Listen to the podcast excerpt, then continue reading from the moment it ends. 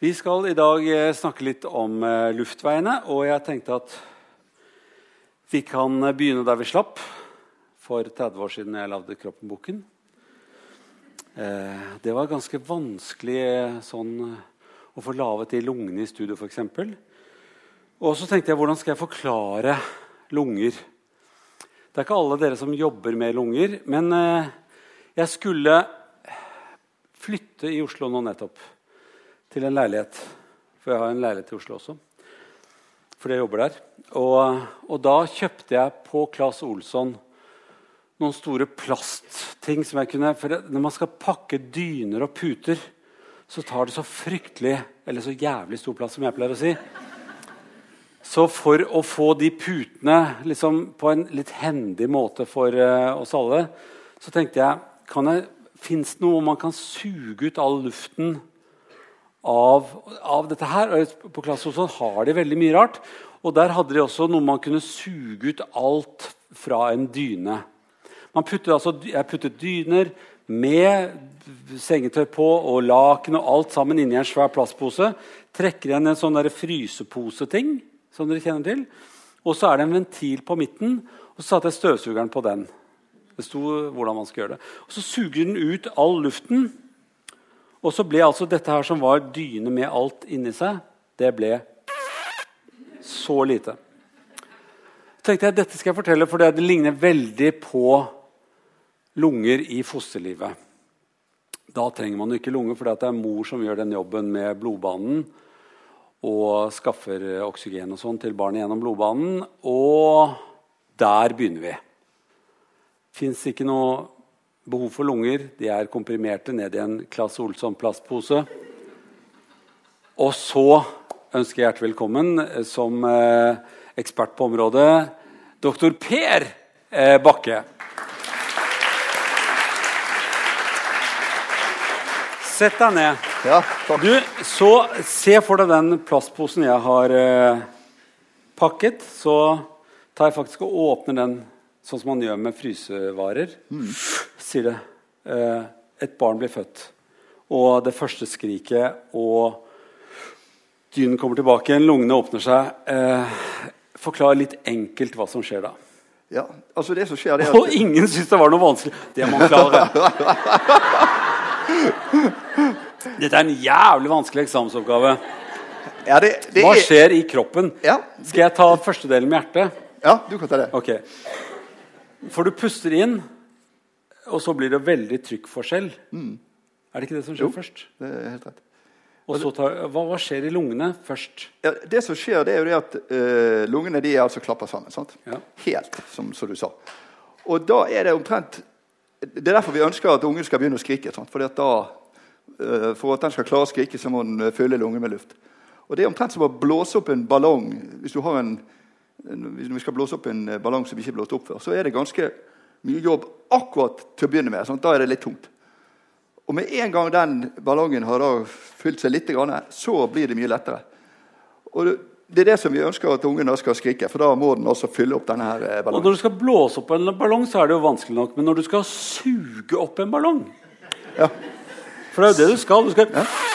suge opp en ballong. Det er det som skjer. Det, altså Man må skape et undertrykk nedi her. Ja. Og det som uh, måten den gjør det på, uh, ungen, det er mellomgulvet.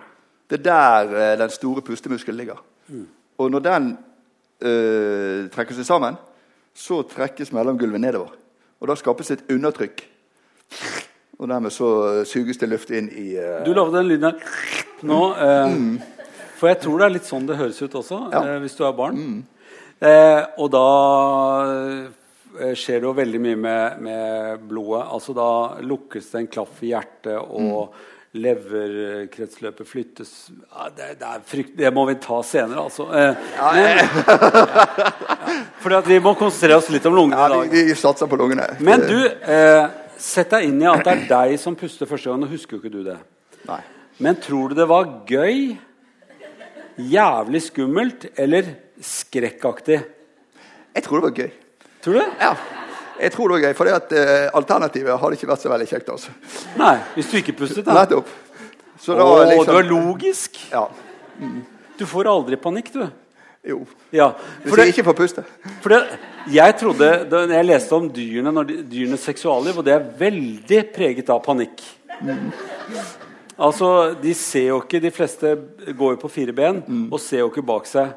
Og du kan tenke deg når du hopper på en okse og du er en ku. Da får du panikk. Og jeg tror det er litt sånn å puste inn første gang. Å, helvete!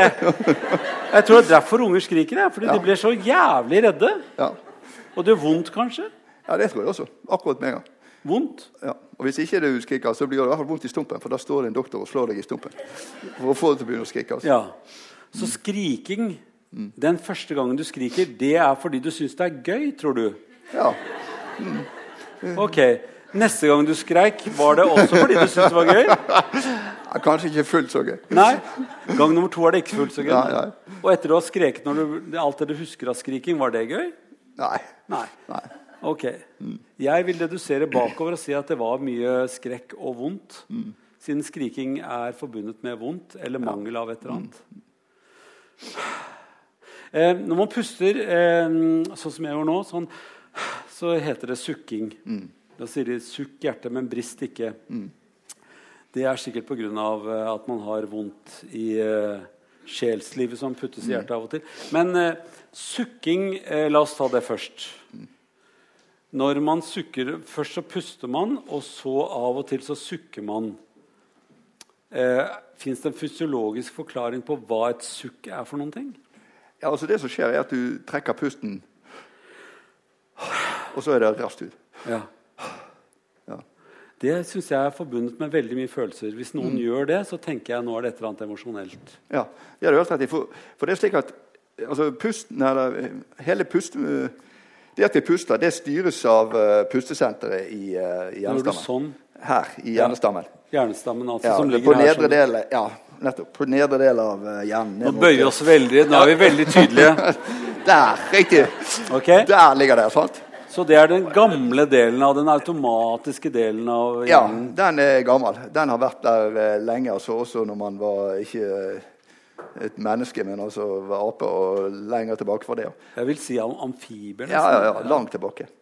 Og, og der er det slik at uh, der sitter det noen sånne her, uh, sensorer, eller nærmest uh, antenner, som registrerer forskjellige kjemiske substanser. Og, altså Lungenes hovedfunksjon det er å skape surstoff inn.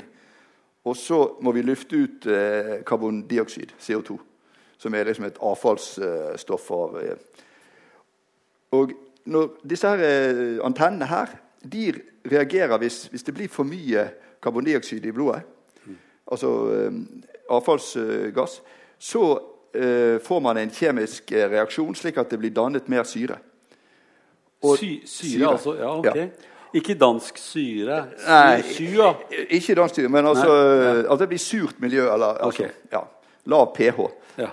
Og det er det dette her eh, pustesenteret reagerer på.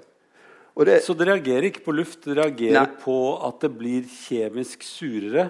Ja. At det trenger mer basisk ja, balanse? Ja.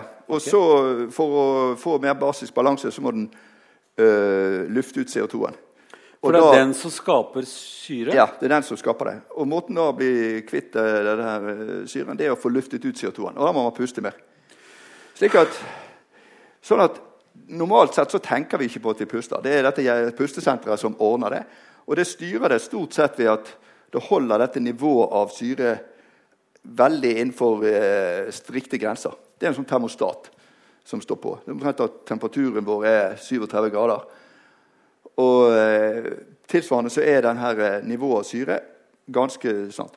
Hvor, hvor reagerer det omtrent? På sy, sy, Ja, komma- 7,40 er liksom 7,4 er liksom eh, ja. Og så Men da, hvis den er ned i 7 eh, eh, 36-7, så begynner den å La oss ta dette her. Nå føler noen seg veldig smarte her, og noen seg veldig dumme. Ja, Eh, la oss ta eh, syrebase. Hvis jeg sier Mm. sånn, så er hva er surest mulig ever? Det er null, altså. Null, og da går alt i Ja, oppløsning. da går det galt. Og hva er det aller basisk, det verste Ja, det er 14. 14. Ja. Mellom 7 og 14. Og hva er eh, Mellom 0 og 14. Ja. Og hva er vann? Nøytralt er 7. 7. Ja. Så altså 7,4 Det er bare bitte litt grann over uh, Og det høres jo basisk ut, men ja. det er altså surt ja, i, i, Det er det som uh, man, kroppen vil ha. Ja.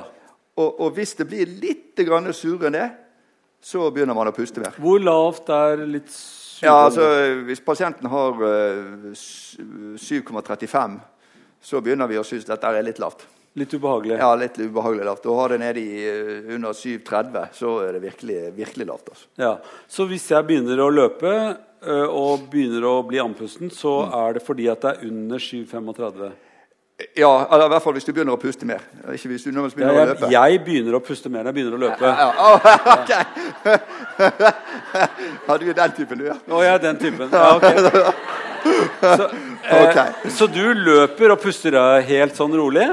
Ja. Og så ja, ja. Når er det, er det Stoltsekleiven? Da begynner du å puste litt fortere? Ja, da begynner du å puste veldig mye. Okay. ja, så du reagerer akkurat sånn som meg, altså på 7.35. Nettopp, nettopp. Men er det det som heter å venne seg til altså komme i bedre form og tåle litt mer syre, eller? Nei, altså det å komme i bedre form, det betyr at uh, syrstoff, syrstoffopptaket bedres. Altså hjertemuskulaturen spesielt det pumper mer, slik at du får uh, Altså når du skal ha surstoff Eh, til eh, kroppens funksjoner. Så Først må du puste det inn, så må du over i blodet, og så må hjertet pumpe det ut i kroppen. Men det er jo, altså, La oss ta luften først. Luften skal inn. Uh, og der er det jo veldig lite oksygen i starten. Og både når det kommer inn og når når det drar ut. Det er veldig lite forskjell på den pusten jeg puster inn. Det er ikke sånn at folk dør av munn-til-munn-metode hvis jeg Nei, det, det, er et veldig godt poeng. For det er det, altså, luften som vi sitter og puster her, den har ca. 21 surstoff. Ja. Sant? Så det er det du da puster inn. Sant? Surstoff er lik O2? O2, ja. ja okay. O2, og det er det funksjonen til lungene. det er å få inn O2. Og så 20% omtrent? Ja, 20, 21 ca. Ja. Og så puster du inn det, og så går det helt ned i uh, lungeblødet ned i lungeblærene. Ja. Uh, og der uh, går det over fra lungeblærene over i disse tynne uh, hårrørsårene. og så blir det pumpet rundt Altså kommer det tilbake til hjertet. Og går til venstre hovedkammer, og så blir det pumpet Men før du ut. gjør det altfor vanskelig ja. Når jeg har pustet inn 21% oksygen, hvor mye oksygen puster jeg ut igjen da? Ja, det, Den øh, konsentrasjonen av det surstoff du puster ut igjen, det er 14-15 Så det er både bare 6% av ja. oksygenet jeg tar ut, og det gjør jeg fordi at syren eh, påvirkes med så lite som 0,5 eh, i, i, i, baseforsyning? Ja. ja. Altså for det, det som skjer samtidig altså Nå puster jeg inn, og så puster jeg ut igjen. Og Den luften som da du puster ut, den inneholder da som sagt litt mindre surstoff, men så inneholder den mer karbondioksid. For det er den ja. du skal kvitte deg med. Ja. Ja, og Når du da kvitter deg med denne karbondioksiden, så påvirker du nivået, denne, eh, dette syrenivået som vi snakket om. Sånn at, og det, det, er på en måte to typer sånne antenner vi har. Det ene det er denne som registrerer denne syren som vi snakket om. Og den sitter stort sett her i eh, hjernestammen. Stort sett? Ja, ja, den sitter ja, nettopp, den sitter der. Og så har vi et Og så har vi Hvor, hvor langt unna sitter den? Ja, ok, den sitter der. Ja. Og så har vi et par antenner til. Oh, ja. Og de sitter litt i de store eh, altså i livpulsåren. Ja og et par av disse store karene som går fra livpulsårene. Interessant. Så er, blodet er også med på å styre ja, ja, ja, litt? Så hvis det blir for surt i de blodårene, så vil det også påvirke Ja, det vil også påvirke det. Og i disse antennene som sitter i uh, hovedpulsårene og de store karene, der sitter det også noen antenner som reagerer, uh, reagerer på surstoffnivået. Ikke bare altså denne surenivået som er her. Så har du disse store livpulsårene og de store karene her. Der er det også noen små antenner som reagerer registrerer surstoffnivået. Ja. så det, disse her er mest opptatt av karbondioksid, altså syredelen. Ja, ja, og disse her er mer opptatt av oksygennivå. Ja, riktig. Og, men det er dette her som uh, er overordnet. Der, der, sitter supreme commander. Som, ja, det er veldig flott etter hvert. Ja. I'm supreme commander. Ja, ja, dette.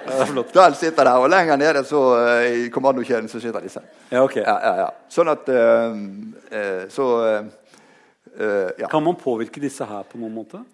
Nei, altså uh, Man kan stort sett ikke påvirke uh, disse her. Det som skjer, er at hvis f.eks. Supreme Command skulle dette ut, Mm. Du, og Det kan skje hvis man for har spist medisiner som gjør at man blir veldig sløv. F.eks. Uh, sovemedisiner, eller man kan ha andre medisiner som gjør at dette her pustesenteret mm. kobles ut. Eller hvis man skulle for få et hjerneslag som gjør at Så vil disse her, her overta litt. For det er liksom overkommandoen har falt ut, og da lenger ned i systemet, så Men det er litt sånn rart å ha overkommandoen her, for det, vi er jo vant til at overkommandoen er her. Ja, det er det. Ja. Nettopp. Og det er fordi at det er liksom som du sier at dette har vært med oss helt siden uh, tidenes morgen og sånn. Mm. Før man hadde så mye uh, oppi dette hjernet her. Sånn. Og, pluss, og, og, og, det er derfor man ikke tenker så mye over at man puster, for det sitter lenger ned i uh, men, men, det artige er jo at vi kan jo overstyre dette, for vi kan velge å holde pusten. Ja. Og det er fordi at det sitter lenger opp da. Noen som kan si OK, vi prøver litt. Ja. Sant? Og da er ikke, er ikke rart at det er noe av det første man eh, går i gang med å prøve når man er barn. Mm. Altså av, man prøver rett og slett alle funksjonene. Mm. Kan jeg krabbe? Kan jeg ja. gå? Kan jeg holde pusten? Mm. Kan jeg skremme mor og far? Altså, sånne ting. Man prøver de store tingene. Ja. Eh, og Derfor har jo veldig mange drevet med dette her i badekaret og se hvor lenge man kan telle til eh, at man er under Nettopp. Man er, hvor lenge kan du holde pusten? Sånt. Og det fine er jo det at man kan jo ikke bestemme seg for å slutte, for, å slutte å puste for godt. Sant? Ja, for hvis du kan, jeg tenker at hvis du kan bestemme deg for noen ting, så kan du bestemme deg for det også. Men det er jo måte på hvor lenge man kan holde pusten. Det er sånne perledykkere og sånt nå. Ja. Og folk som da svømmer under vannet så og så lenge mm. og, og, og, dykker veldig, veldig langt. Mm. Og de sliter jo med angsten alle sammen. Mm. Eh, for det er et eller annet som da til slutt sier at nei, nå, nei, nei, vet du hva, nei, nå, nei, nå, nei, nå, altså. ja. Du har helt rett. sant? Og før du ser det, så klarer du bare ikke å styre det lenger. Og da overtar den her eh, men begynner den å puste under vann også? Hvis man da fremdeles er under vann? Ja, hvis du, hvis du eh, er fortsatt under vann. Så Det som skjer, det er at man drukner. Ja. Og det er jo fordi at man trekker Men jeg har lest nå at man kan finne opp et slags annet vann. Mm som man kan puste inn, som er oksygenberiket. Ja, og som man da kan puste inn. Mm. Altså Man tenker seg at man skal kunne gjøre det ved at mennesket etter hvert kan være under vann mm. på en eller annen måte, og få en eller annen vann, ikke oksygenholdig mm. drikke ned i lungene på en eller annen måte. Og dermed klare seg lenge under vann ved å puste inn dette her. I hvert fall en liten stund lenger. Også. Ja, ganske mye, det følge den artikkelen jeg, ja. jeg, leste. Men eh, har du tenkt noe på det? At det er man, sånn, en, en, gel som Det er litt ekkelt å puste inn den gelen i starten, mm. men så merker du at det gikk bra. Det, eh, det kaller jeg mareritt. Eh, å puste inn en gel igjen, som jeg jo ble ferdig med da jeg ble født. Mm. Ja, definitivt. altså. Ja. Jeg... Eh, vil ikke du også det var litt? Jeg vil også si det var. Og, og, så er det en ting til som, gjør, som er ganske fiks, dette systemet. Mm. Og det er det at eh, når man puster, sånt, så gjelder det at ikke man må gå, at lungene for hver gang klapper helt tilbake til der du var når du ble født. Sant? For da, blir det, da, er det som å blåse opp denne ballongen helt fra starten av. Hver gang. Og det blir ganske tungt. Sånn at når du For det første så, for det første så har du da eh, når du har pustet helt ut, eller vi sier vi har tømt lungene for luft Helt ut, liksom. Ja, så liksom sånn, det, Særlig. Ja, ja. Nemlig.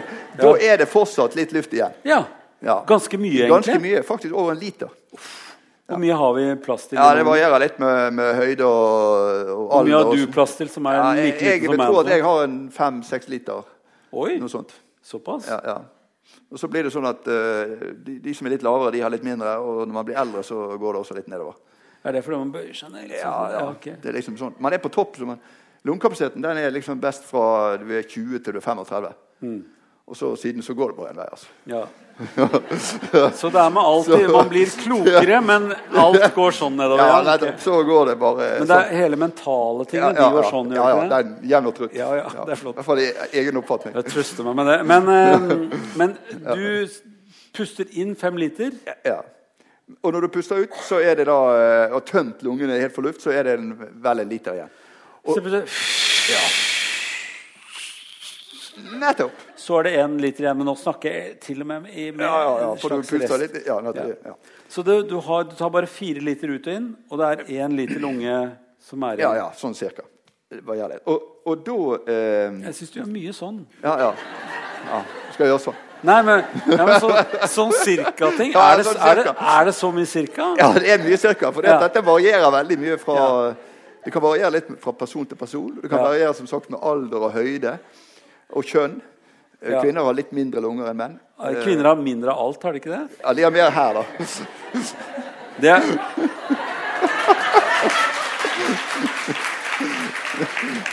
Men det går mer og mer sånn etter hvert.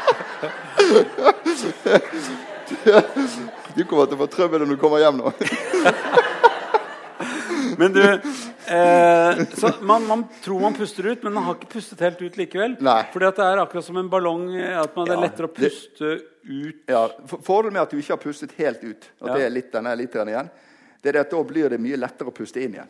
Ja. Sant? Og, Men det er jo ikke derfor vi gjør det. Men nat fordi at naturen gjør det også selv. Ja, det gjør det av seg sjøl. Men det gjelder å, må, naturen er så viselig innrettet at det gjelder å bruke minst mulig energi på det. Ja. Sånn, du, du, hvis du skulle pustet helt ut, virkelig helt ut, tilbake Mm. til der du ble født, så ville du brukt ganske mye energi på å puste. Altså. Ja. Ja. Så slipper du det. Og, Og du ville fått tarmene helt opp her? ja, ja, du hadde fått det, ja. Og hjertet alt oppi halsen. Vårt hjerte i halsen og veldig strekk på å bli i årene. Ja, Ja. Men, eh, Ja. Så vi har det sånn noenlunde her nede. Bare, Man bare puster litt ut, litt inn. Ja, ja. Så puster vi én-to liter, eller Ja, altså Ikke det- gjør sånn igjen med en gang. Nei, nei, nei, nei. Altså når vi, når vi sitter helt rolig og puster Ja. her Hvis du nærmest sitter og leser en bok og slapper helt Eller snakker med deg. Eller snakker med. Ja. Da, men, men hvis du leser boken, da, for å ta den, Ja. så er det ca. en halv liter. Halv liter. Det er bare det du puster inn og ut. Det har ikke, trenger du ikke mer. Nei. Men hvis du begynner å prate litt mer, så trenger du litt mer. Hvis du begynner å gå, så trenger du enda mer. Hvis du begynner å løpe, og hvis vi sier førstemann opp på oppståelsen her Ja, Da trenger Da ikke du å puste noe ekstra. Men jeg Nei, nei, ja, trenger du, Ja. nettopp, nettopp. Da trenger vi eh, de, de fire literne fort vekk. Altså. Ja, Så da begynner man å puste svært. Ja, da begynner man å puste fra eh, ja. Så det er, det er ganske fint å gjøre det av og til. Ja. Altså puste ganske mye ut og inn. ja. Både fordi at du styrker hjertemuskulaturen, for den skal jo pumpe dette rundt. Og hjertet er en muskel som du da kan eh, trene opp. Som, på samme måte du kan. Ja. Mens, eh, mens eh, lungene altså Lungene er jo et system av masse rør. Og de kan ikke du trene så mye opp.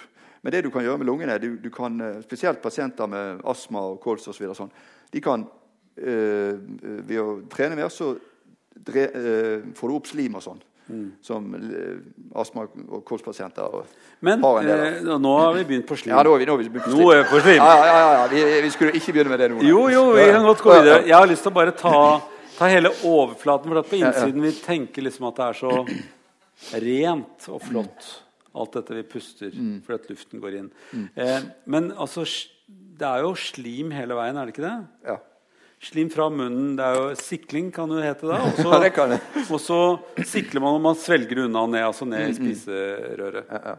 Men så fins det altså da slim hele veien ned. altså Noe som fukter luften samtidig, og gjør luften kanskje litt fylt av, av, av damp og sånn på vei ned i lungene. Ja, altså det, det begynner i nesen. Ja. For det vanligvis så Ok, nå prater vi, og da puster vi med åpen munn når vi løper og sånn, men ellers, hvis du sover og sånn, så er det en fordel å sove med lukket munn, sant? for da blir luften fuktet opp mm. i nesen, og da blir, det, blir du ikke så tørr i halsen og lenger nedover. Og så er det, som du sier, eh, slimkjertler eh, hele veien nedover for å Så det der med at lungene er så tørre, det er jo bare tull. Det er jo, det er jo en slags slimting. Det Ja. Ligner mer på innsiden av munnen vår, egentlig. Altså med, Ja. med sånn slim. Det- Og så, andre poenget mitt er at det er flimmerhår ganske langt ned. Ja, og, og for, for, En annen ting med, fine med dette slim, slimet det er det at partikler og sånn som ikke blir stoppet uh, her oppe i øvre luftveiene, og sånn, og som havner ned, de blir da fanget opp i dette slimet. Ja.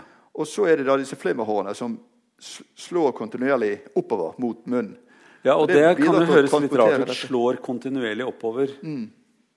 Vil du formulere det annerledes? Du får én sjanse til. Jeg syns det var ganske fint å si 'slår'. Jeg. Ja, men slår kontinuerlig oppover. Altså, må jo, men hva, de må jo ned igjen for å slå Ja, ja, ja, kontinuerlig oppover. de, bølger da frem Ja, og tilbake. ikke sant? De, de utakt ned, Ja, ja. og så bølger samtidig oppover. Skal vi si det sånn? Ja, ja. Utakt ned. Bølger oppover. Ja, helt rett. Ja, Jeg har av og til, eh, når jeg har vært på ferie på spesielle eksotiske steder, så har jeg brukt sånn dykkergreie mm. og sett under på hvordan de gjør det på havbunnen. Og da er det jo mye sånn tang og tare og ting. Mm. Og det er veldig snodig å se hvordan det liksom eh, Et eller annet sånn uorganisert, og så kommer det en bølge, pff, så går alle sammen samme vei. Ja.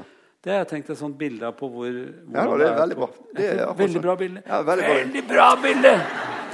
Sa lungelegen til meg. Men, eh, så, så de slår rotete bakover, altså nedover, og så Ja. Så er organisert oppover. koordinert oppover? Ja. for å få dette her eh, ut. Og ut er jo ikke ut. Fordi at jeg sikler jo ikke ut Nei, det er litt variabelt, men de fleste, de De, de, de, Men det Når det kommer opp så langt at du møter uh, spiserøret, sant? Ja! så svelger vi det ned. Det Bare vipper det over kanten. Ja, bare vipper det. ja. Og så svelger det ned Ja, ja, veldig praktisk. Det er jo kjemperesirkulering Ja, ja, ja. alt sammen. da, så, Vi lager masse slim, men vi svelger det selv. ja, ja. så Vår Herre hadde en god uh, dag da, akkurat av det der. Så hvis du, er, hvis du er et friskt, oppegående menneske, Mm. så hører du ikke noe til dette. Det bare eh, slurper over kanten, på en måte. På en Ja, det går av seg selv. Ja, og det, hø vi hører, det er ikke noe sånn, det høres jo ikke ut som en stillegående oppvaskmaskin engang. Det bare, det, bare, det bare børstes alt Ja, det der. ja. Ja. Veldig, veldig flott. Så sånn skal det være. Sånn skal det være. Ja. Vi snakker sammen uten Det hører man veldig mange gjøre i vår tid. Ja. Og da er vi vel over i kols allerede. ja, da er vi over i eh, noe Og som ikke Og før sånn. du sier kols, før jeg sa kols, så bør man kanskje si eh, noe annet. Altså at det er noe som, det er noe som ødelegger luftveiene våre, eller blir slitt med tiden, eller, og mye av det er at eh, det produseres mer slim, og ødelegges en del flimmerhårsystem som kunne vært ganske greit, men det ødelegges av sykdom eller måten vi har påført oss selv ubehag på. Ja. Jeg sier det så generelt. Så ingen, i, Imponerende. ingen føler seg støtt foreløpig. Skal vi gå inn på det? Ja, skal vi gjøre det? Ja. For, for kols, hva står det for? Ja, det står for kronisk obstruktiv lungesykdom. Mm. Og, og det er altså en lungesykdom hvor du er kronisk obstruert. Altså det er kronisk trangt. Det høres verre ut når du sier det på Bergen. Kronisk obstruert! Jeg ville sagt kronisk obstruert. Det høres, det er litt mer, det, høres litt hyggeligere ut når jeg sier det. jeg har ikke tenkt på det. Men kronisk Ja, nettopp. Og hvorfor? Det betyr at det er litt trangt, eller noe, på, noe som skal, man skal forbi et eller annet litt Ja, trangt? altså Det betyr, betyr at disse eh, luftveiene nedover til de små lungeblærene Mm. de, de er trangere. Og, og, og det er eh, flere grunner til at de blir trangt. Delvis er det fordi at vi har noen sånne små sånne muskelfibre som ligger rundt disse disse her, eh, dette luftrøret. Og de, disse små muskelfibrene de blir irritert, og så trekker de, litt, trekker de, seg litt sammen. Så det er musklene som trekker seg sammen? Ja, muskelfibre rundt Hva blir de irritert av? F.eks. Uh, røyking. Uh, de kan bli irritert fordi at røykingen uh, gir en irritasjon i slimhinnen. Og der i slimhinnen så er det celler som slipper ut stoffer som får disse, her, eh, denne, disse muskelfibrene eller muskelcellene til å trekke seg sammen. Og så blir kaliberet på det røret Vi, Men hva, hva skulle funksjonen være med det? Det? Ja, Det er et godt spørsmål. Ja. Uh, og det er altså Man tenker seg at uh, man skal beskytte systemet lenger ned mot f.eks. Uh, fremmede partikler. Og, Ja. Altså dette som gjør, gir denne irritasjonen. Ja. Så det er på en måte en forsvarsmekanisme som slår litt over målet. Og ja, så, så så lung, lung, eh, altså, lungene er jo ett stort rør, to litt mindre rør, enda mindre rør, Mm. mindre, mindre, mindre rør, og så er det noen blærer. Og de skal man prøve å beskytte på en eller annen måte. ikke sant? Ja. Beskytte, For det er der man det er der eh, Oksygen. surstoffet går over i blodet, og karbondioksiden går tilbake. Så man kanskje lukker av noen, noen deler av lungen for at ikke alt skal komme helt inn dit? At det er Mm. Ja. det som er liksom Obstruksjonen egentlig har en funksjon? Ja, nemlig. Og så, så luftrøret blir trangere pga. denne her, eh, obstruksjon, altså obstruksjonen. Som irriterer? Ja, som irriterer. Og så i tillegg så har du da dette her økte slimet, Ja. som uh, bidrar til at uh, Altså slimet produseres og tar plass. ja. Og så er det en tredje mekanisme. Det er at denne irritasjonen som skapes her, det er omtrent som hvis du får varmt vann på hånden. Så blir du rød og hoven. sant? Du får en irritasjon eller betennelsesreaksjon i huden. Og akkurat på samme måte får du en sånn irritasjon eller betennelsesreaksjon i slimhinnen. Sånn at den hovner opp. Akkurat på måte som huden. hvis du får... Og denne her eh, hovne slimhinnen den krever også plass nedi der. Så blir trangt Og da blir det ganske trangt. Men og Slimet øker på fordi kanskje det skal ta opp i seg disse partiklene som røyking eller ja. om man jobber i en industri hvor det er mye fremmedstoffer. Ja. og sånt. Nå skal det over i slimhinnen, igjen så man kan børste det ut, vippe det over kanten og bare så få ja. det ut. Riktig. Men så er det det at denne her kroniske da, irritasjonen, altså hvis det røyker, som er årsak, så blir det dannet mer slim enn det du egentlig eh, trenger. Ja. Og da det at man får stimulert disse slimkjertlene som danner dette slimet, de eh, blir det flere av, og de blir mer aktive. Og Dermed så får man eh, for mye slim. Og dette slimet tar plass. Det Men det skal man tenke at ja, ok, denne reaksjonen er fint eh, hvis man har børsten i orden mm. og kan få det ut. Men det er en annen ubehagelighet ved, ved Det er en annen ubehagelighet ved kolsen at disse børstene de forsvinner. Ja. Fordi at uh, Ja, altså De blir ødelagt. Og blir færre og færre av dem. Så for det første så har du hatt mye mer behov for dem fordi at det er mer slim. så du har virkelig at, Men problemet er at de forsvinner.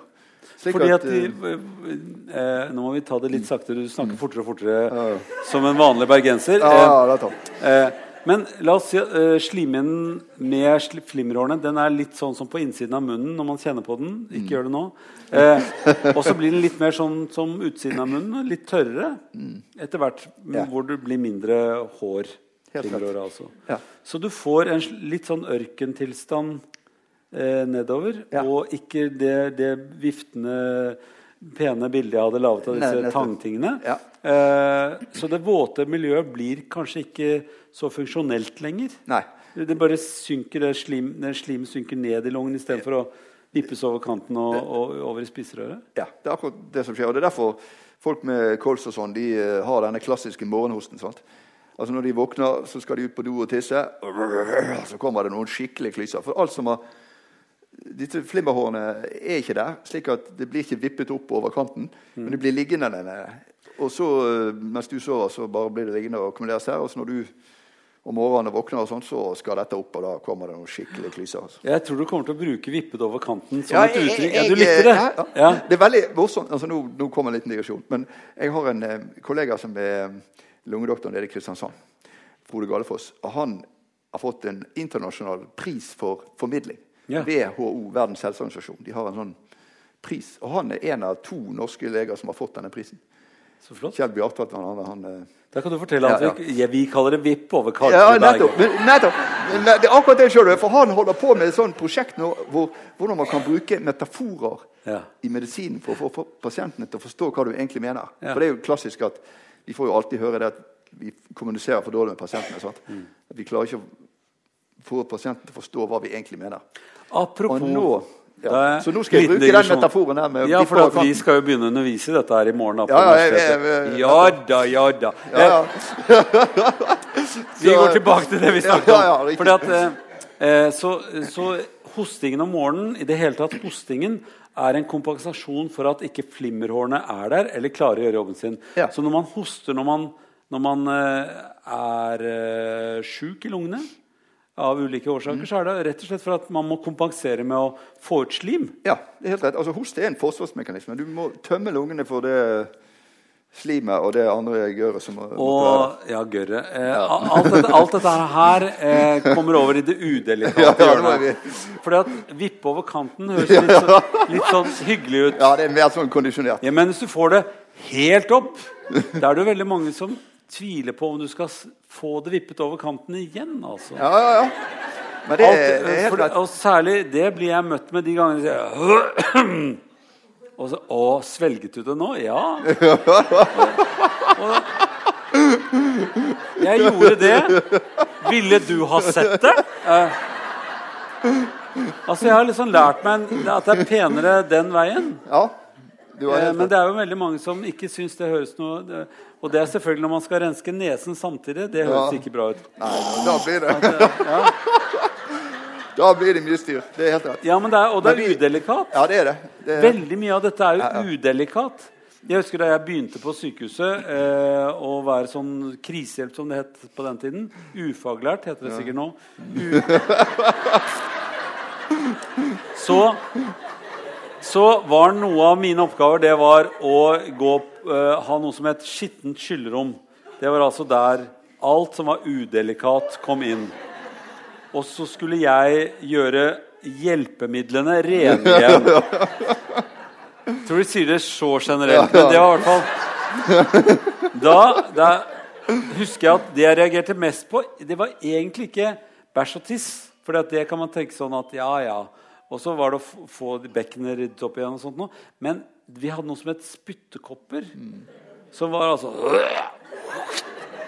så, Og sånn hvor de Jeg kan gjøre det mye verre. Eh, men disse her eh, eh, Samme konsistens som desserter eh, skulle jeg da rydde opp i, sånn at det ble pene ting igjen. Det jeg forbinder med noe av det, noe av det verste ved alt det der lungesykehusgreiene, det er jo alt dette her spyttet og eh, det, er, det, er, jo verre enn oppkast, på en måte, for dette er bare sånn seigt, seigt slim. Ja. Hva slags forhold har du til det? Altså, jeg, jobbet en del med det? Altså, jeg er jo litt Jeg er jo lungedoktor. Men syns du det er gøy? Vi, ja visst. Vi elsker det. Ja. vi, vi, kan du lese noe i det? Ja, det er det vi kan. skjønne. Du ja. kan lese faktisk ganske mye. Ja. Altså, Du kan se på uh, mengden. Ja. Sant? Så kan du se på fargen. Den er veldig viktig. Mm. Altså, Er det rødt? Det er ikke så kjekt. Nei. Sånn. Er det gult eller grønt? Det er mer sånn type kanskje det er en infeksjon her. Ja. Er, det, er det brunt? Det er ja, brunt er mer sånn gammelt blod. Sånt. Ja. Sånn Lyserødt og sånn skummende det er mer sånn ferskt. og Kanskje er det aktivt. og Kanskje, har du, kanskje kan det også indikere at hjertet spiller en rolle her. Ja. Uh, og så uh, Du hører at lyst og skummende rødt ja, ja, Det høres nesten ut som en slags rett. Ja, ja det, nettopp. Det er det det gjør. Og det er mer tegn på f.eks. Uh, Men gjør du sånne ting? Går du liksom ja, faktisk. Altså, vi, Gjør du det? Ja. Vet, Se på den, du. Ja, det er det. Og, du, du, altså uh, det, det, det, er slik at uh, Vi kaller det for På fagspråket så kaller det for sputum. Ja. Kaller det, Spytt, rett og slett. Spytt, ja.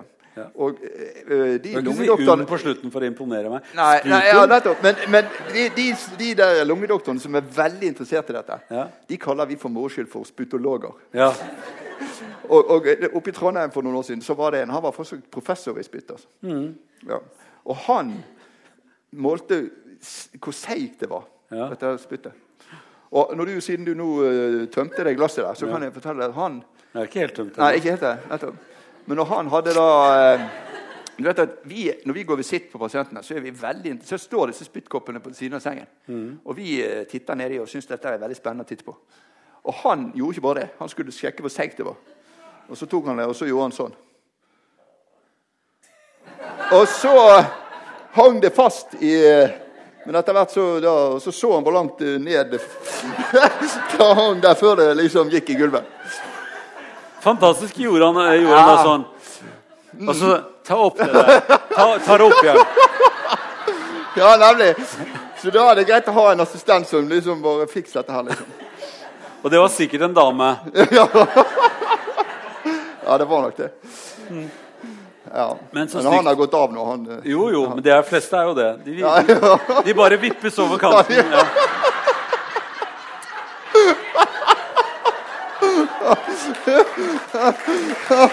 Veldig bra. Men, jeg skal så, si det til han gamle proffen i morgen. Ja. Og bare vipper over kanten. Du, eh, så kan det skje at, eh, at eh, eh, man får infeksjon i lungene. Det er liksom det man er reddest for da, det som heter lungebetennelsen. Ja. I gamle dager så var det en av de store dødsårsakene, ja. og er fremdeles det man dør av til slutt veldig ofte hvis man ikke får, ja. får behandling som burde vært sluttet for en stund. Det er helt klart. Altså, Lungebetennelsen uh, er jo bakterier av ulike slag. Ja. Men da jeg gikk på doktorskolen, og sikkert du også, så lærte vi jo at nedenfor her omtrent så er det lungene sterile. Der er det ja. altså ikke noen bakterier. Mm. Nå skal vi slippe en bombe, og det er at det er bakterier hele veien. Og vi har, eh, Forrige jeg snakket med altså her i denne stolen, drev jo med mavetarm mm. og snakket masse om bakterier. Det visste vi litt fra ja, før av. Ja. Men det at det er bakterier i luftveiene også, er jo litt nytt. Ja, det er nytt. Altså, Så sent som i 2007 så skulle National Institute of Health, altså den amerikanske helseorganisasjonen, de skulle kartlegge alle bakterier som var på og i kroppen til mennesker. For man har funnet ut at altså, 90% av cellene på kroppen vår det er ikke våre celler, det er mikroorganismer. Så 10 Ta, vi tar det én gang til, for det var et så viktig tall. Ja, ja. Det er bare 10% som er igjen, altså, som er våre egne celler. Resten bærer vi rundt på er et slags botanisk hage. Det er en botanisk hage av mikroorganismer. 90% er celler fra bakterier. Ja, nemlig. Så 10 Tenk på den litt. Ja. Så 10 eh, er oss, og resten er uh, de andre. De andre. Ja. Det, er, det, er, oss mot røkla. Men, men, er, men, de er altså i lungene også? Ja. og Da trodde man i 2007 så skulle man kartlegge dette. og Da undersøkte man en masse forskjellige organer. Altså munnen, tarmene spesielt, da, urinveiene, kjønnsorganer og hud osv. Så sånn. Alt dette skulle kartlegges. Men ett organ uh, det uh, droppet man fordi man trodde at nei, der er det jo ingenting. Og det var lungene. Og så har man siden 2007 da, oppdaget at også hos friske mennesker så er det massevis av bakterier nedover i luftveiene. Man, altså når man får en lungebetennelse, da får man sinte nedi der. Men hos friske mennesker også hos der, så er det masse bakterier nedover. Og de har sannsynligvis vært der siden tidenes morgen. Altså Det er ikke bare pustesenteret som har vært der siden tidenes morgen, men også bakteriene. Det fins altså, tror du, snille bakterier som er det overvekt av mm. når man har det bra med lungene sine. Mm. Og så er det ikke så mange slembakterier, akkurat som i tarmen, bare litt annen mengde. Litt annen mengde. Det er ikke ja. sur mye. Ja, for det, ellers, Vi har ikke noe tømme ut fra lungene. Eh, bare vipp over kanten. eh, men vi, vi, har, vi, har, altså eh, bakterier også i lunge, lungene våre som er med på å holde en eller annen slags balanse i overflaten. på en eller annen måte. Da. Ja, det er det man tror. Altså, De bakteriene som sagt, de, hos friske de har vært der siden tidligst morgen. Og da har de helt sikkert en funksjon. Mm. De har neppe vært der nede hvis, det, hvis ikke det var noe vits å ha de der. Mm. Og sannsynligvis så er det et samspill mellom disse bakteriene og slimhinnen som uh, gjør at uh, lungene har en forsvarsmekanisme. Dette er det man tror. Mot uh, f.eks. andre bakterier, altså sinte bakterier. Og at de bidrar til å opprettholde immunforsvaret. At det er intakt også i, i lungene. Og man tror jo det at disse bakteriene også kan ha noe å si med tanke på risiko for å få kols. Ja. Det er i hvert fall en ganske het uh, teori akkurat nå. Ja. Mm. Så det er det som er hett på ditt Det er hett, ja. ja. Når du sier det på den måten, så hørtes det litt, litt høres det litt stusslig ut. Nei da. Ja, ja, ja, Vi skal vise forståelse. Men eh, Eh, for da fikk jo Jeg hadde en, eh, en veldig god professor. Der, eh, han snakket om bakterier, og han mm. sa at du skjønner, bakteriene de ser på et menneske som en smultring. Det fins noe på utsiden, og så fins noe på innsiden, mm. og så fins det noe i midten. Og det er det i midten som er oss. Så han mente jo at det var bakterier på alle overflater til mennesker. Mm. Men han tok ikke med lungene spesielt. Han var jo ikke før sin tid. Sånn. Nei, han, han, var jo ikke før sin tid. Men, det, men det, det, der bildet av at bakterier ser på alle overflater som sine, på en måte, mm. er jo interessant. Og det at vi har lært av når vi var her og lærte om, om genetikk, mm. så lærte vi også at uh, DNA-et vårt, altså arvestoffet vårt, mm. det er jo også blir jo influert av bakteriekultur rundt oss, mm. som driver og, og, jukser inn noen beskjeder stadig vekk og, og er med på å lage. En del av, av, av, kroppen vår også. Så Nemlig. vi er i balanse med det rundt oss ja. på et eller annet merkelig vis. Ja, absolutt. Og, og man har jo altså kan det være Jeg avbryter deg igjen, ja, for at vi må litt videre. Det, kan det være at vi er også i ubalanse når det gjelder f.eks. allergi? Altså at uh, astma, som er en allergisk reaksjon på omverdenen vår på en eller annen måte, eller oss selv, er en sånn ubalanse med det store bakterieverdenen? Ja, absolutt. Og man har jo funnet ut for at ubalanse i mage-tarm-systemet, altså i tarmene hvor det virkelig er bakterier, masse bakterier, ubalanse der det gir økt risiko for astma. Mm. Og, og f.eks. Uh, unger som uh, fødes ved, med keisersnitt, altså hvor de blir tatt ut fra um, magen og ikke fødes normalt, de får ikke de bakteriene som de blir utsatt for de, som er i fødselskanalen. Og de får en litt annen sammensetning av bakterier i tarmen. Og man tror at det igjen er det som er årsaken til at unger som fødes med keisersnitt, har større risiko for å få astma. Ja. Ja. Slik at denne bakteriesammensetningen i tarmene den er sannsynligvis med å påvirke risikoen for astma. Så man fødes er, Tror du det er sterilt der hvor barn lages også? Tror du det er liksom at barnet ligger inni en steril ja, I livmoren? Ja. Uh, For det er ganske hot hos meg. Der er ja.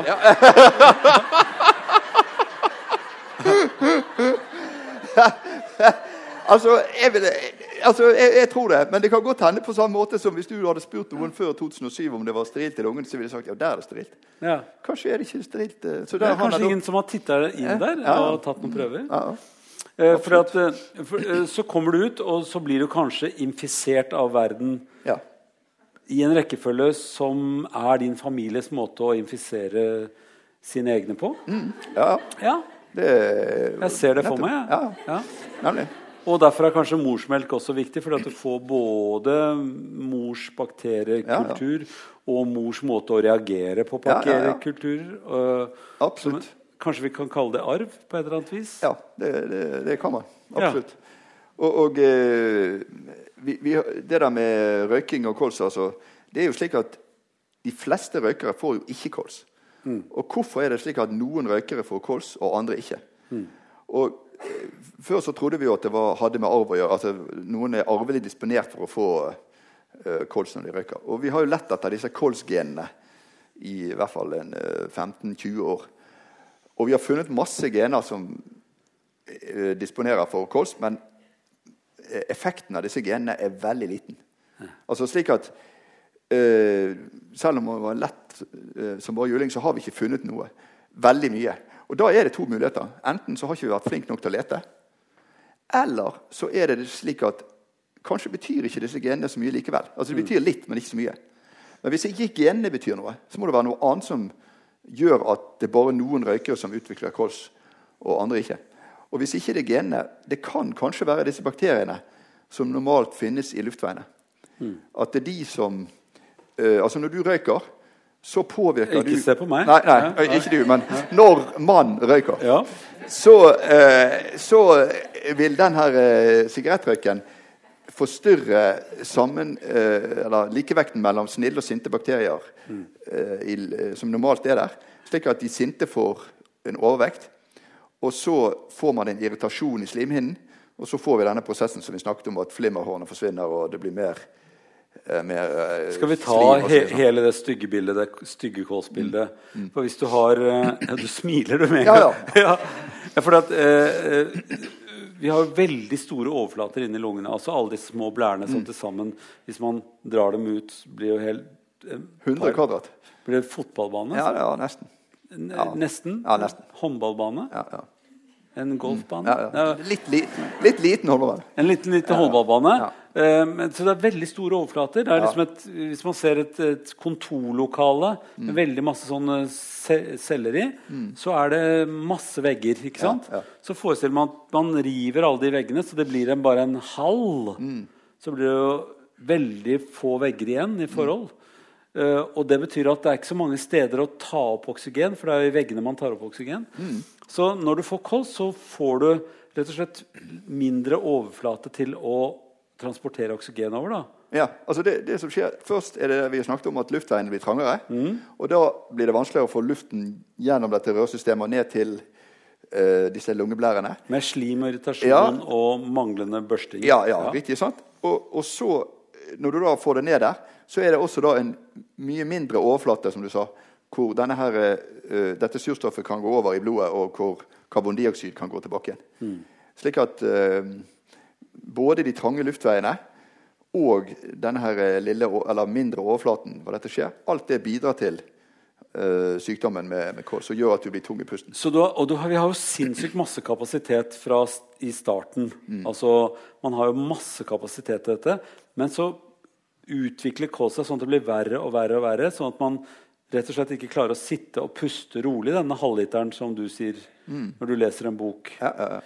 Uh, for da sitter de og hveser og, og, puster liksom og jobber med å få oksygen over til blodet. Ja, helt, helt rett. Og, og, og det, bare, denne, du, du, bruker ordet 'jobbe', og det er veldig bra. For det, det, er akkurat det som skjer. De må virkelig arbeide for å få surstoff opp og ned. Og, den, det, denne, dette arbeidet det krever i seg sjøl surstoff. Mm. Og det, hos pasienter med kols som virkelig er affisert, så bruker de halvparten, opptil halvparten av det den surstoffet de får i seg, det går med til å drive eh, pustearbeidet. Mm. Så, og Da har de ikke mye igjen til å drive resten av systemet. Altså Du skal mm. gå, og du skal spise og du, osv. Slik at uh, disse pasientene som virkelig er rammet av kols, og alvorlig, svært alvorlig, de klarer ikke stort sett å gjøre mye annet enn å sitte i, ro. Også. Så de sitter i ro, og det er derfor de ofte har både stoler som de må, og litt oksygen på ryggen? Ja, de, vi prøver å hjelpe dem med å gi dem surstoff. De ja. har, uh... Men det er jo ikke bra å få for mye surstoff heller, for da reagerer ja, ikke. Altså, det kommandoen? Jo, nettopp. For ofte, det er jo slik som sagt at det er dette kommando, Supreme Command her som uh... Det kommer til å, det kommer til å ja, godt. ja. Det er de som styrer hele greia. sant? Mm. Og men hvis du har eh, eh, kols, så etter hvert så klarer de ikke å eh, gi beskjed om at du må puste så mye. For dette, denne pustingen krever veldig mye arbeid. Og så godtar etter hvert dette kommandosentralen at man eh, puster eh, mindre. Og de godtar en, et høyere eh, syrenivå. Sant? Og da har den på en måte gitt seg litt, grann, denne her sentrale. Og da overtar litt mer disse her litt lenger ned i systemet som vi snakket om. Og de, mest, de antennene de går på surstoff, eh, det er de surstoffmengden de reagerer på. Og da er det det lave surstoffnivået som gjør at du puster. Og hvis du da gir pasienten veldig mye surstoff, så reagerer ikke de heller. Så reagerer ikke de heller. Og da slutter du å puste. Så det er litt paradoks at med kolspasienter som kommer inn med en forværelse, så må man passe litt på at man ikke gir dem for mye surstoff. For da mm. risikerer du at uh, de rett og slett slutter å puste.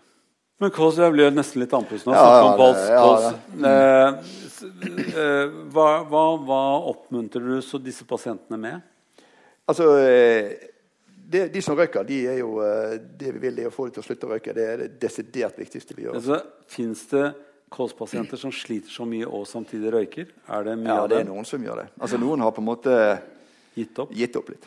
Mm. Og, og, eh, men det vi prøver å si til det, er at det, det er faktisk aldri for seint å slutte å røyke. Altså det, og det som virkelig hjelper med disse pasientene, det er å få dem til å slutte å røyke.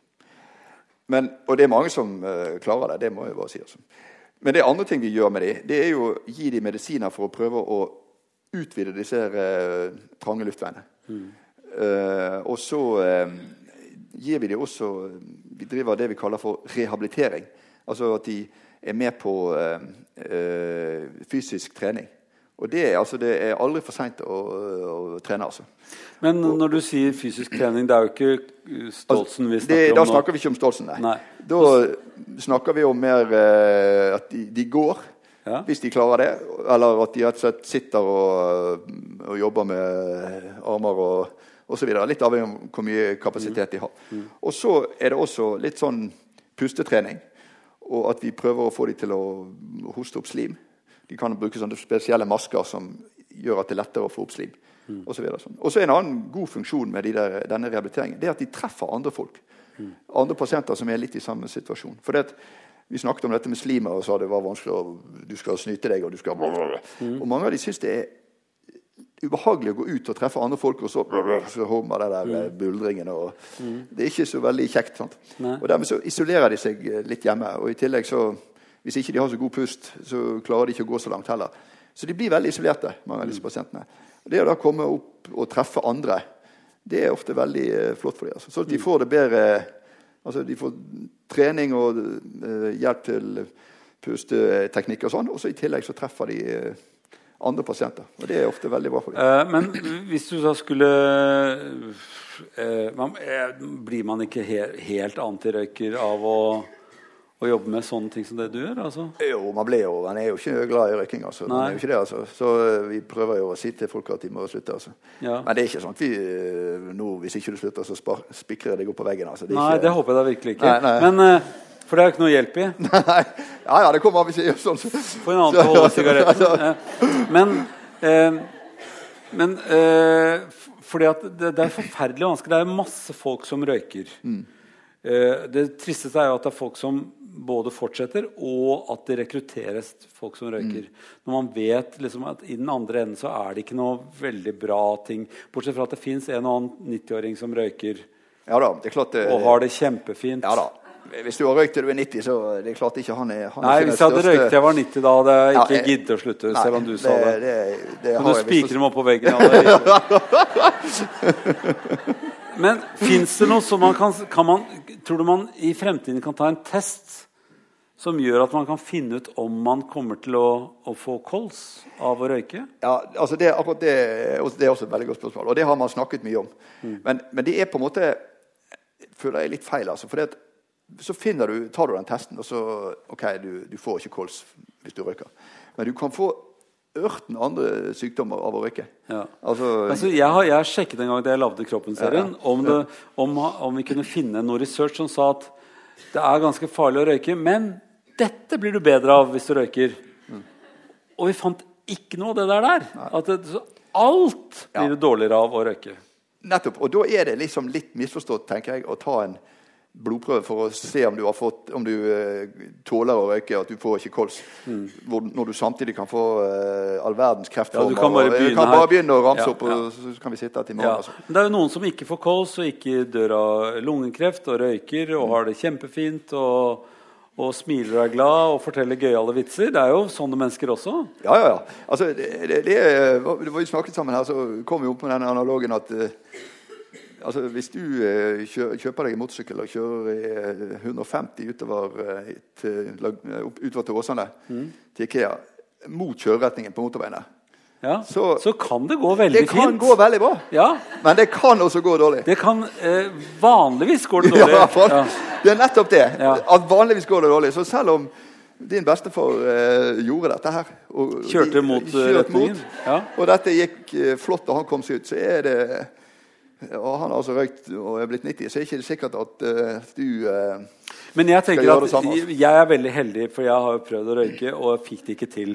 Uh, så jeg ble, ble så kvalm. Og jeg prøvde snus, jeg ble kjempesurret i huet og, og engstelig, faktisk. Synes, så det ligger ikke for meg. Jeg har også prøvd å være veldig, veldig full og, bli, og klare det veldig, veldig dårlig.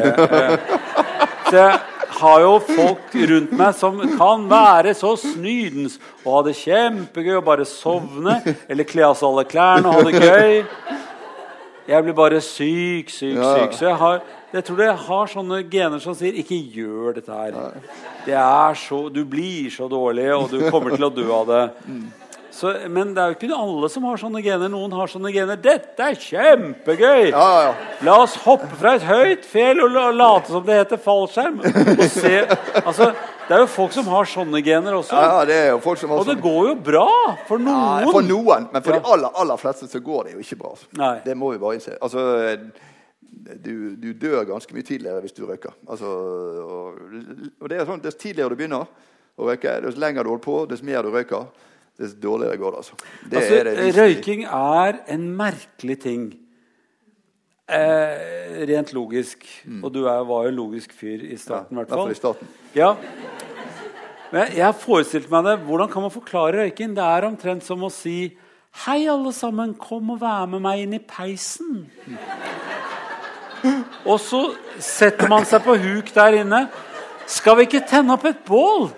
Jo, det var gøy. Så varmt og fint det ble. Litt røykfylt, men Og så sitter man der, og så er det det hyggeligste man gjør. Er å sitte inne i peisen. Er ikke det rart at de fant opp at det var det koseligste man gjør? For det er jo det man gjør. Man lager en peis her inne. hvor det er varmt, varm luft, riktignok, men fullt av alt man kan bli syk av. Ja. Altså, man, Det er jo den lista over ting Ja, ja, man blir syk av. bli dårlig av å se Og man, den noe blir man syk av veldig fort, eh, men man venner seg til det.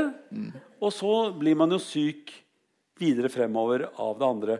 Og jeg har, det har slått meg at eh, folk klarer ikke å planlegge livet sitt noe særlig fremover. Nei. Man klarer ikke å se bak neste uke. Og når man er ung, så ser man jo ikke bak neste dag.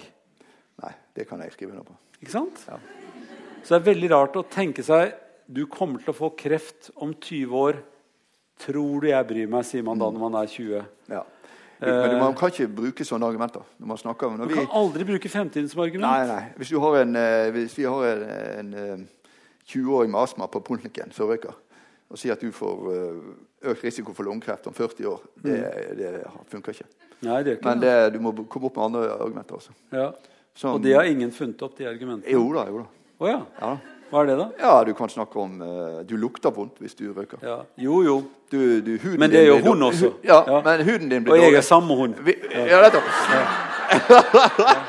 Men når du, når du sier det, så skal jeg fortelle at vi hadde en assistentlege på, eh, på avdelingen her for ja, det er no, en god del år siden. da, 10-15 år siden. Mm. Og han var en, eh, en fyr i slutten av 20-årene og en pen mann. Mm. Ja.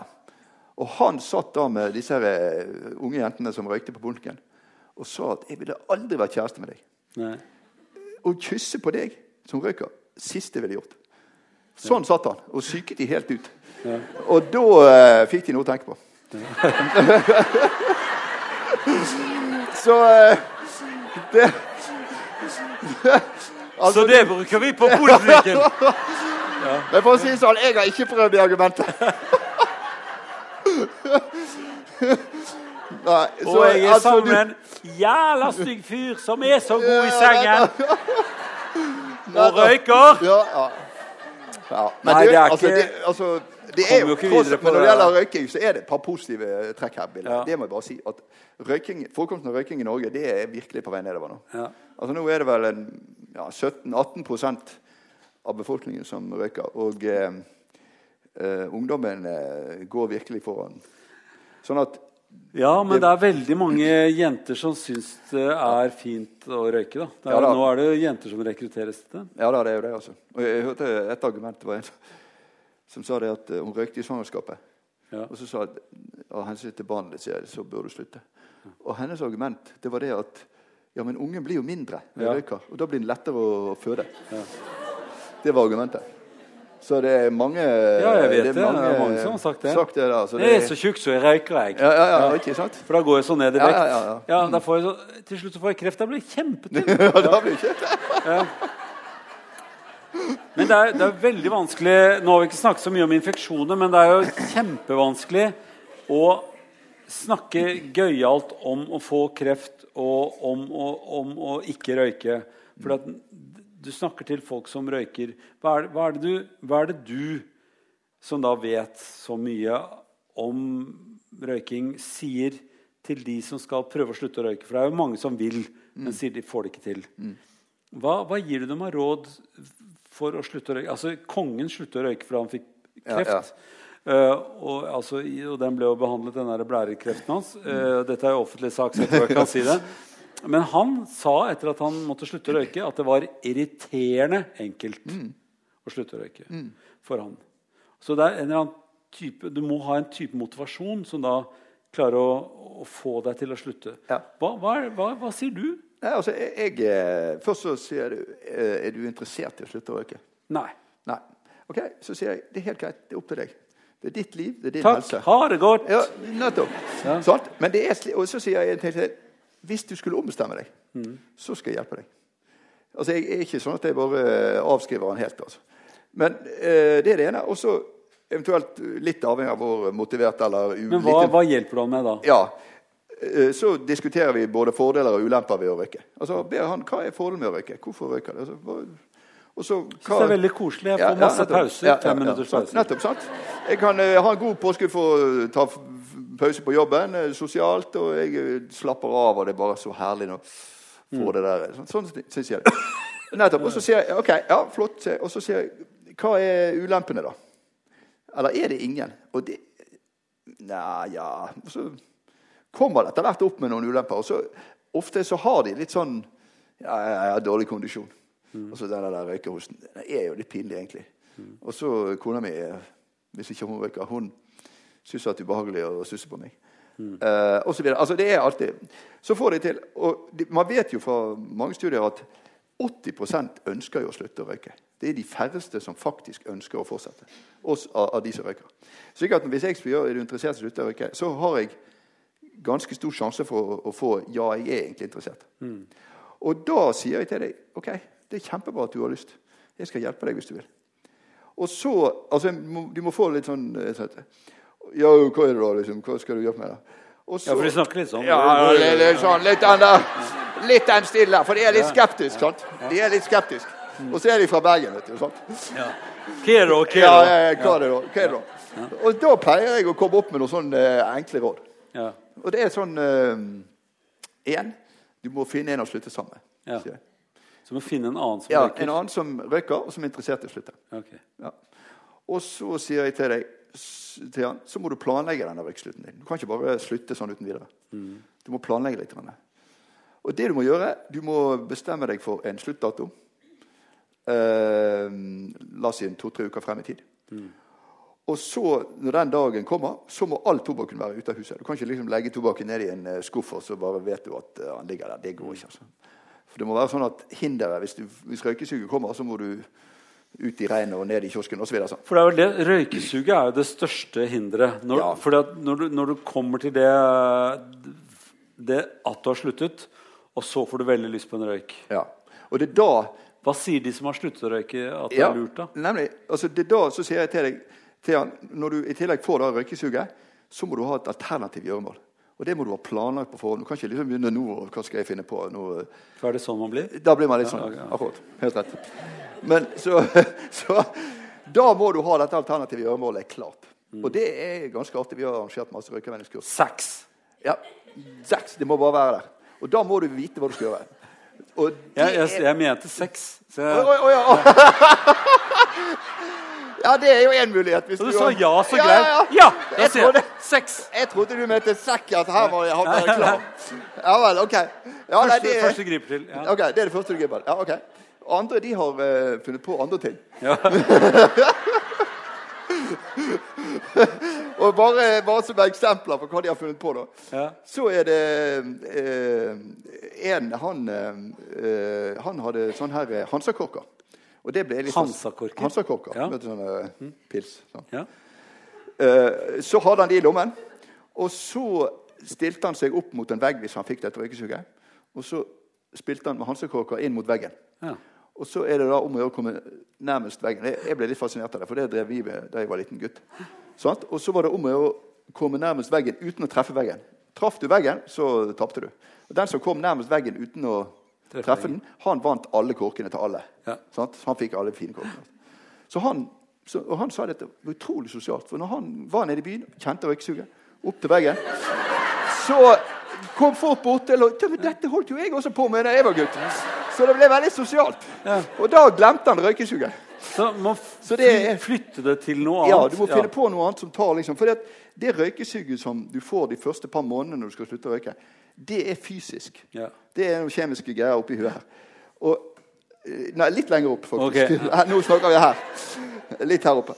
Og, og, ehm, det gir seg ganske fort. altså I løpet av fem minutter mm. så gir det der fysiske røykesuget seg. Mm. Og eh, et par måneder etter du slutter å røyke, da har man sett i flere studier, så avtar de det der, dette fysiske røykesuget.